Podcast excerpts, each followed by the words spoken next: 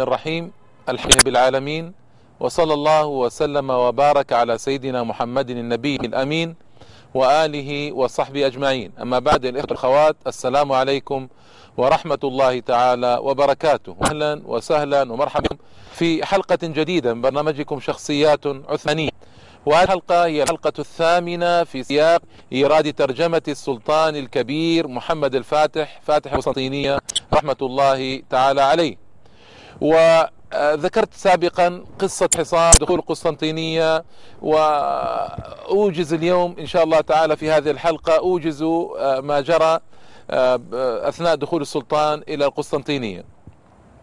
وأذكر أشياء أخرى مهمة إن شاء الله تعالى في تاريخ هذه المدينة العريقة. المدينة سقطت بعد ألف ومئة وثلاث وعشرين سنة وثمانية عشر يوما من حكم البيزنطيين لها.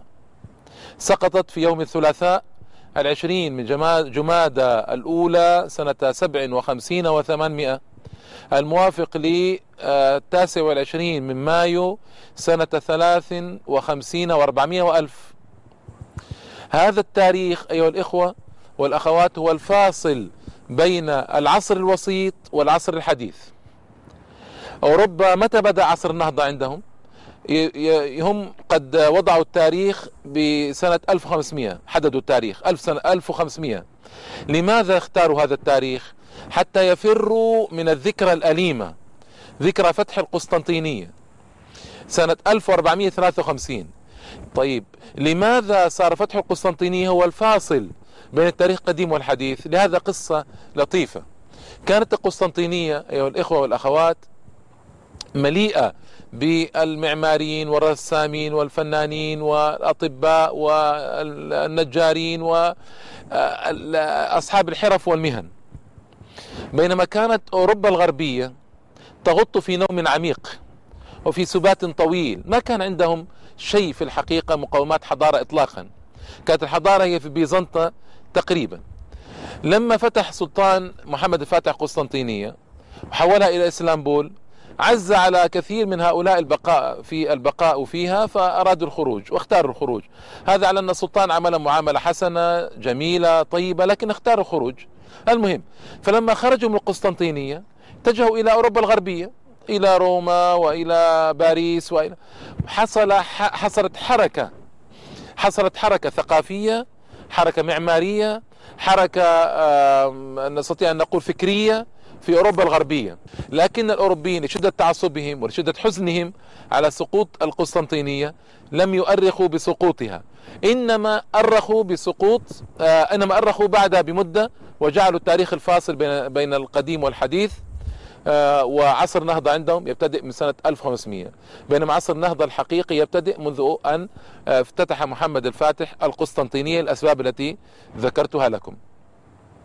السلطان محمد الفاتح كان عمره على التحقيق من مختلف الروايات 21 سنة وشهران ويوما فهو ما زال في أوائل شبابه. رحمة الله تعالى عليه آنذاك. آه وهذا يدلنا على أن الشباب إذا اجتمع فيه الإيمان والعلم والحماسة والجهد والتضحية والبذل حقق شيئا عظيما. وهذا الذي حدث وجرى للسلطان محمد الفاتح رحمة الله تعالى عليه. كان عمر الامبراطور آنذاك يوم قتل تسع, تسع وأربعون سنة. آه ويعني الذي جرى أيها الإخوة والأخوات أن السلطان دخل آه في وقت الظهر. هي المدينة افتتحت من الساعة السابعة إلى الساعة الثامنة صباحا تقريبا من السابعة إلى الثامنة صباحا. السلطان دخل وقت الظهر. هناك بعض الروايات تقول أنه دخل ثاني يوم لكن الرواية التي آه أوردها من كان معه أنه قال أنه دخل يوم الثلاثاء في وقت الظهر. مباشرة إلى كنيسة آيا صوفيا التي أذن فيها وحولت إلى جامع بفضل الله تعالى وهي أمام هذا الجامع الضخم الذي ترونه في الصورة كنيسة آيا صوفيا وأمر بتحويله إلى مسجد. وهنا كان يوم الثلاثاء يوم الجمعة كان بقي له ثلاثة أيام أربعاء ثلاثاء وأربعاء وخميس. فاشتغل العمال ليل نهار من أجل تعديل هذه الكنيسة وتحويلها إلى مسجد. أزالوا منها الصلبان. أزالوا منها الصور. وهذه عادة عند الغرب أن الصلبان في كنائسهم والصور وهي مظاهر الشرك. نسأل الله السلامة والعافية. أزالوا منها الصلبان وأزالوا منها الصور. ووضعوا القبلة ووضعوا المحراب في جهة القبلة من الكنيسة. ونظفوها وطيبوها وهيئوها ليوم الجمعة. من خطب الجمعة؟ قيل إن الذي خطب الجمعة ونال شرف أول جمعة في آيا صوفيا هو السلطان محمد الفاتح نفسه رحمة الله تعالى عليه. وقيل لا وقيل إن الذي خطب بالجمعة هو الشيخ الكبير آق شمس الدين وهو شيخ السلطان محمد الفاتح. اختلاف الروايات. وقيل لا السلطان محمد الفاتح هو الذي خطب وآق شمس الدين هو الذي صلى بهم الجمعة. يعني هذا المسألة آه، آه، ما لكن الذي آه، الذي نال شرف الصلاة والخطبة نال شرفا عظيما في ذلك اليوم بعد 900 سنة ونيف من كونها كنيسة تحولت فضل الله تعالى إلى جامع. هذه الكنيسة كانت كنيسة أسطورية كما يقولون. اشتغل فيها عشرة آلاف عامل. سبع سنوات فيما أذكر اشتغلوا. آه، من أجل تأسيسها وصرفت فيها ملايين الأموال. وجلب لها الرخام من مناطق بعيدة جدا. وسبحان الله العظيم ورث ذلك المسلمون. وحولوها إلى جامع باقي إلى يوم الناس هذا. آه، وآيا صوفيا هذه درة فاخرة. السلطان محمد الفاتح حولها إلى جامع يصلي فيه الناس منذ سنة سبع وخمسين وثمانمائة. للأسف الشديد في العصور الحديثة جاء مصطفى كمال ليحولها إلى متحف. وإنا لله وإنا إليه راجعون. يعني آه، بعد خمسمائة سنة تقريبا من الصلاة فيها وإقامة الشعائر أتى هذا الهالك ليحولها إلى متحف وليقضي على الصلوات في فيها وإنا لله وإنا إليه راجعون. وهي اليوم متحف يدخله الناس. ونرجو إن شاء الله تعالى من الحكومة التركية أن تحولها بإذن الله تعالى إلى جامع كما كان وتسمح بالصلاة فيه إن شاء الله تعالى. نرجو الله ذلك بفضله وكرمه ومنه. حتى آه، آه، تسر روح محمد الفاتح إن شاء الله تعالى وتعود الكنيسة من جديد إلى أداء الصلوات فيها. فقد كانت جامعا عظيما خمسة قرون. خمسة قرون من ال... يعني ف آه، من التعدي الواضح والظلم العظيم أن توقف وتحول إلى متحف. لكن رجل عدو الإسلام حولها إلى متحف ما كان يطيق أن يصلى فيها وإنا لله وإنا إليه راجعون.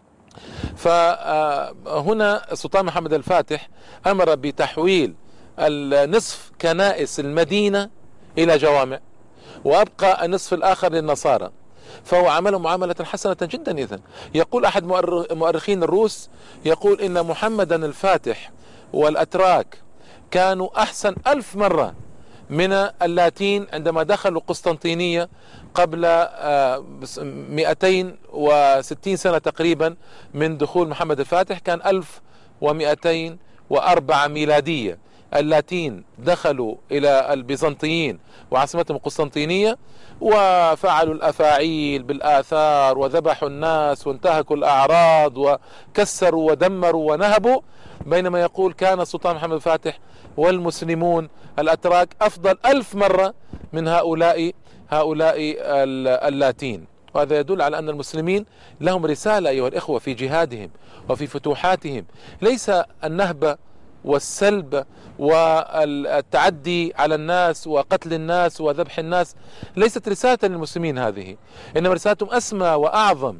فالسلطان أبقى نصف الكنائس للنصارى وأخذ النصف الآخر. وهذا من عدل السلطان وجميل صنيعه. هذه نقطة مهمة أيها الإخوة والأخوات لأن لأن ما كان هذا معروفا في العالم آنذاك. كان النصارى إذا دخلوا بلاد المسلمين بلا بلاش نقول كان وما كان. لا لا في الوقت نفسه الذي دخل فيه محمد الفاتح إلى القسطنطينية كان النصارى مهددين كان المسلمون مهددين في الأندلس تهديدا عظيما. وبعد أربعين سنة من دخول محمد الفاتح إلى القسطنطينية أخرج المسلمون من الأندلس وسقطت غرناطة سنة 897 للهجرة. و 857 آه، سقطت القسطنطينية فماذا صنع النصارى بالمسلمين؟ آه، نكثوا كل الوعود وأجبروا الناس على التنصر بالسيف والنار. وأجبرهم على أكل الخنزير وعلى شرب الخمر وصنعوا فيهم القبائح العظيمة وطردوهم من بلادهم وساموهم الخسف وعمل لهم محاكم التفتيش بينما كل ذلك لم يجري. كل ذلك لم يجري في القسطنطينية عندما سقطت. فلذلك يعني هذه القوم اليوم لهم دعاية أيها الإخوة والأخوات عندهم إعلام قوي. يقول أن الإسلام انتشر بالسيف. ولو أراد محمد الفاتح أن ينشر الإسلام بالسيف لا, نص لا أسلم كل أهالي قسطنطينية. ولا أسلم مش أهل القسطنطينية فقط لا أسلم كل أهالي الإمبراطورية العثمانية. لكنهم أبدا ما فعلوا ذلك وبقي اليهود وبقي النصارى وبقي من يعبد آه، ديانات الأخرى في الدولة العثمانية. بل الأكثر من ذلك أن اليهود عندما عندما سقطت الأندلس ما وجدهم ملاذا إلا الدولة العثمانية. التي خانوها بعد ذلك وفعلوا بها الأفاعيل وكادوا لها حتى سقطت. فالمهم السلطان محمد الفاتح آه، أمر بالتالي. أولا بتحويل آيا صوفيا إلى مسجد. أمر بتحويل القسطنطينية آه، إلى إسلامبول ولتكون عاصمة للدولة العثمانية. العاصمة كانت إدرنا فنقلها بحركة ذكية جدا وهذا مطلوب إلى القسطنطينية وسماها إسلامبول وجعلها هي العاصمة العاصمة لبلاده فكانت حركة سياسية رائعة. وبقي السلطان محمد الفاتح عشرين يوما في العاصمة آه، في قصر سموه بتكفور. ثم بعد ذلك انطلق إلى أدرنا آه، راجعا إلى آه، أدرنا بعد الإتمام الفتحي العظيم. جرى عدة أمور أيضا في القسطنطينية سأذكرها لكم إن شاء الله تعالى في الحلقة القادمة. أيها الإخوة والأخوات إلى اللقاء والسلام عليكم ورحمة الله تعالى وبركاته.